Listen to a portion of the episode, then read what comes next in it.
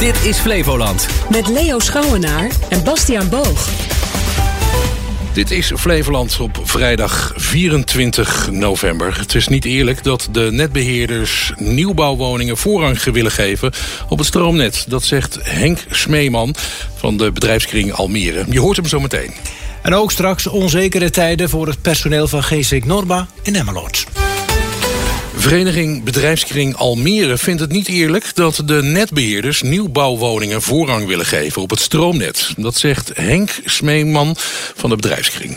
Ook is hij bang dat de maatregelen voor bedrijven om minder stroom te gaan gebruiken slecht zullen zijn voor het Almeerse vestigingsklimaat. Hij vindt dat er gekeken moet worden naar wie er het eerst een aansluiting op het net heeft aangevraagd. Het eerlijkste is om te zeggen van degene die het eerst komt, die maalt het eerst. je moet vergunning of je moet aansluiting daarvoor vragen van tevoren. Je kunt best kijken op welke datum komen die binnen en het zo afhandelen. Dan wordt niemand benadeeld. Ik denk dat een bedrijf evenzeer benadeeld wordt als ze niet op tijd kunnen starten. Als iemand niet zijn woning niet in gebruik kan nemen.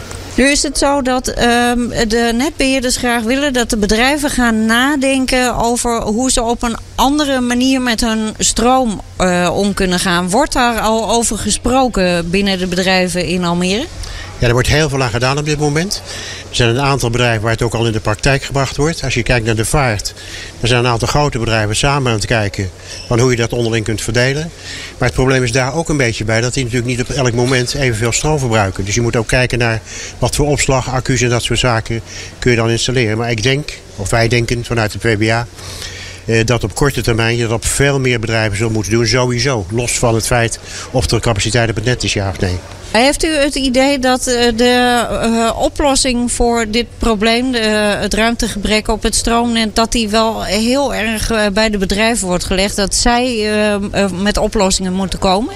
Ja, je kunt natuurlijk voorzien dat in de groeiende provincie als Flevoland zowel het aantal woningen, maar zeker ook het aantal bedrijven natuurlijk ongelooflijk toeneemt. Maar je doet natuurlijk ontzettend slechte zaken als je niet kunt zorgen dat er een energievoorziening is. Als je weet dat er op, laten we zeggen, een beetje in de omgeving nog wel voorzieningen zijn waar je op kunt terugvallen. En die zijn hier in Flevoland niet. En ik heb een bedrijf, dan weet ik het wel. Dan gaat u ergens anders naartoe. Dat lijkt me niet onlogisch.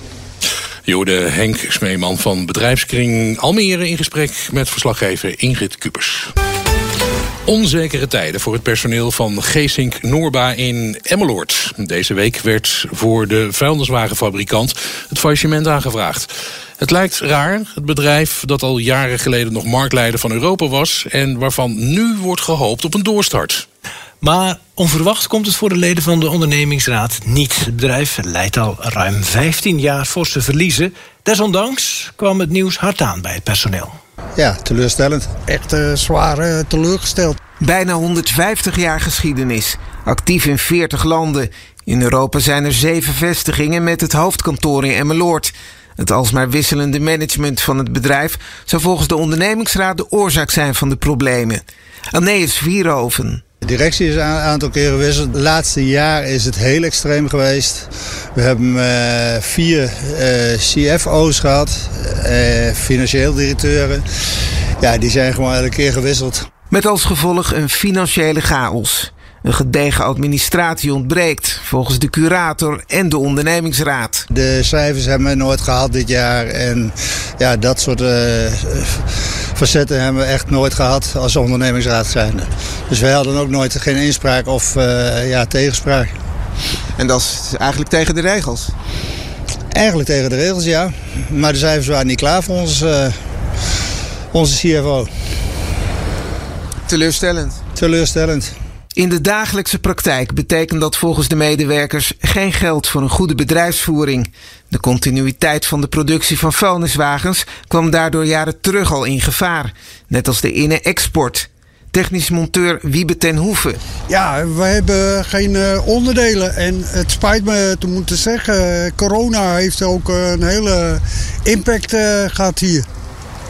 Dus wij hebben veel zaken gedaan met uh, Scandinavische landen, Letland uh, en ja, ook Rusland. Dus ja, onze regering heeft gezegd we mogen niet meer.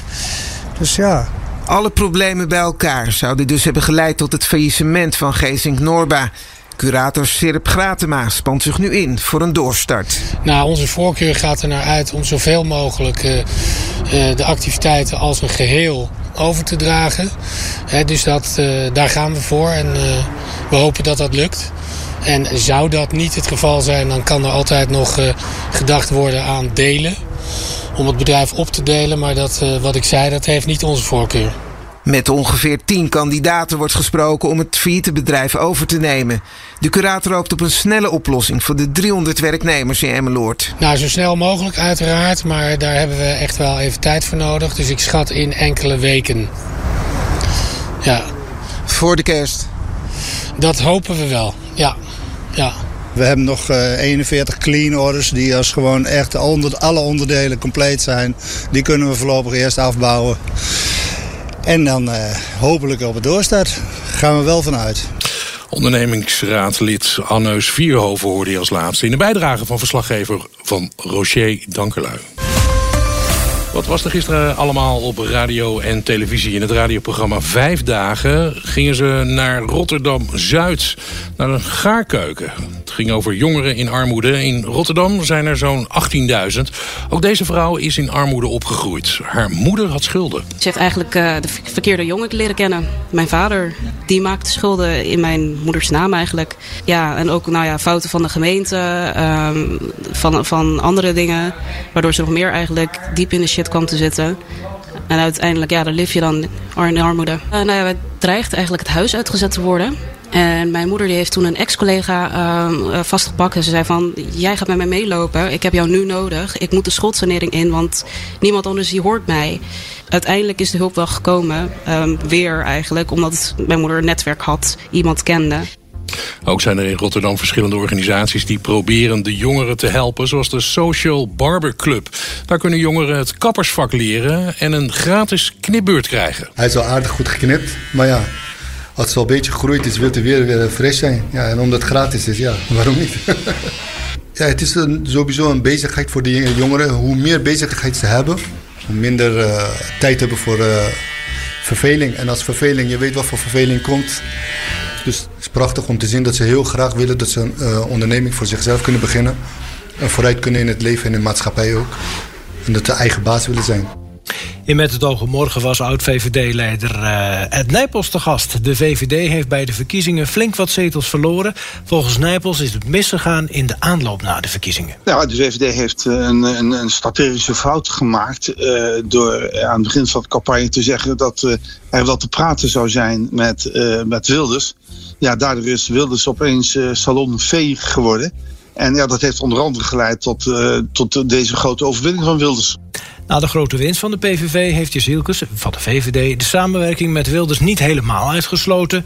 Hij zou immers milder zijn geworden over standpunten als de islam. Nijpels denkt dat een coalitie geen slim idee is. Wat je in ieder geval wel als fatsoenlijke partij moet doen... is uh, met hem gaan praten maar de kans uh, dat, dat, dat die serieus op al die punten opeens een hele grote draai gaat maken, zie ik niet zo groot. Je kunt niet, uh, zeker als, als, je ziet, is een opvatting die al twintig jaar heeft, dan is het heel ongeloofwaardig als die opeens in de prullenbak uh, gooit. Dus ja, praten moet je altijd. Maar ik, zou het uh, onwenselijk vinden uh, als, als de VVD in een coalitie zou stappen uh, met, met Wilders. Dat, dat lijkt me een, een beetje als een, als, als, als een sprookje in, in de Efteling. Jara ten Holde uit Almere die wilde deze week in de voorbereiding op het WK laten zien... dat ze de beste handbalkeepster van Nederland is.